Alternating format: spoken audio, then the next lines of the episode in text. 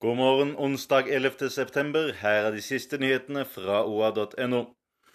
Valgresultatet tilsier maktskifte i Gjøvik etter 96 år med Arbeiderpartistyre.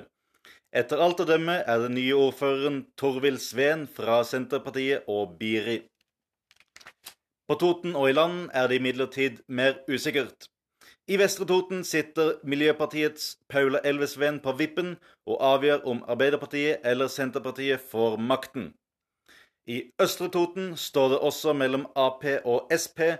Her er Arbeiderpartiet avhengig av Rødt, SV, MDG og Venstre, mens Senterpartiet trenger Høyre, Frp og enten MDG eller Venstre. Også i Nordre Land er det ett mandat som avgjør. Bygdelistas Arnfinn Berg må nå gå i tenkeboksen og finne ut om han vil støtte Arbeiderpartiet eller Senterpartiet. I Søndreland har de en innviklet situasjon. Dagens posisjon, et samarbeid mellom Arbeiderpartiet og Senterpartiet, har flertall.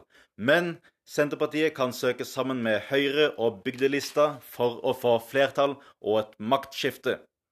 Et tredje alternativ er at Arbeiderpartiet får med seg enten Høyre eller Bygdelista for å danne flertall. Vi holder oss i Søndre Land, der de nye eierne av Hov kjøpte opp en lagerbeholdning fra Skeidar. De starter et nytt salg i morgen, der møbler og interiør til en verdi på rundt 6 millioner går ut på billigsalg. På gamle Raufoss hotell har nye leiligheter stått klare en lang stund, sier daglig leder i H Eiendom, Frode Hesland. Han sier søknader ligger inne hos Vestre Toten kommune, men vil ikke utdype hvorfor leilighetene ikke kan tas i bruk. Følg med på oa.no for de siste og viktigste nyhetene fra Vest-Oppland.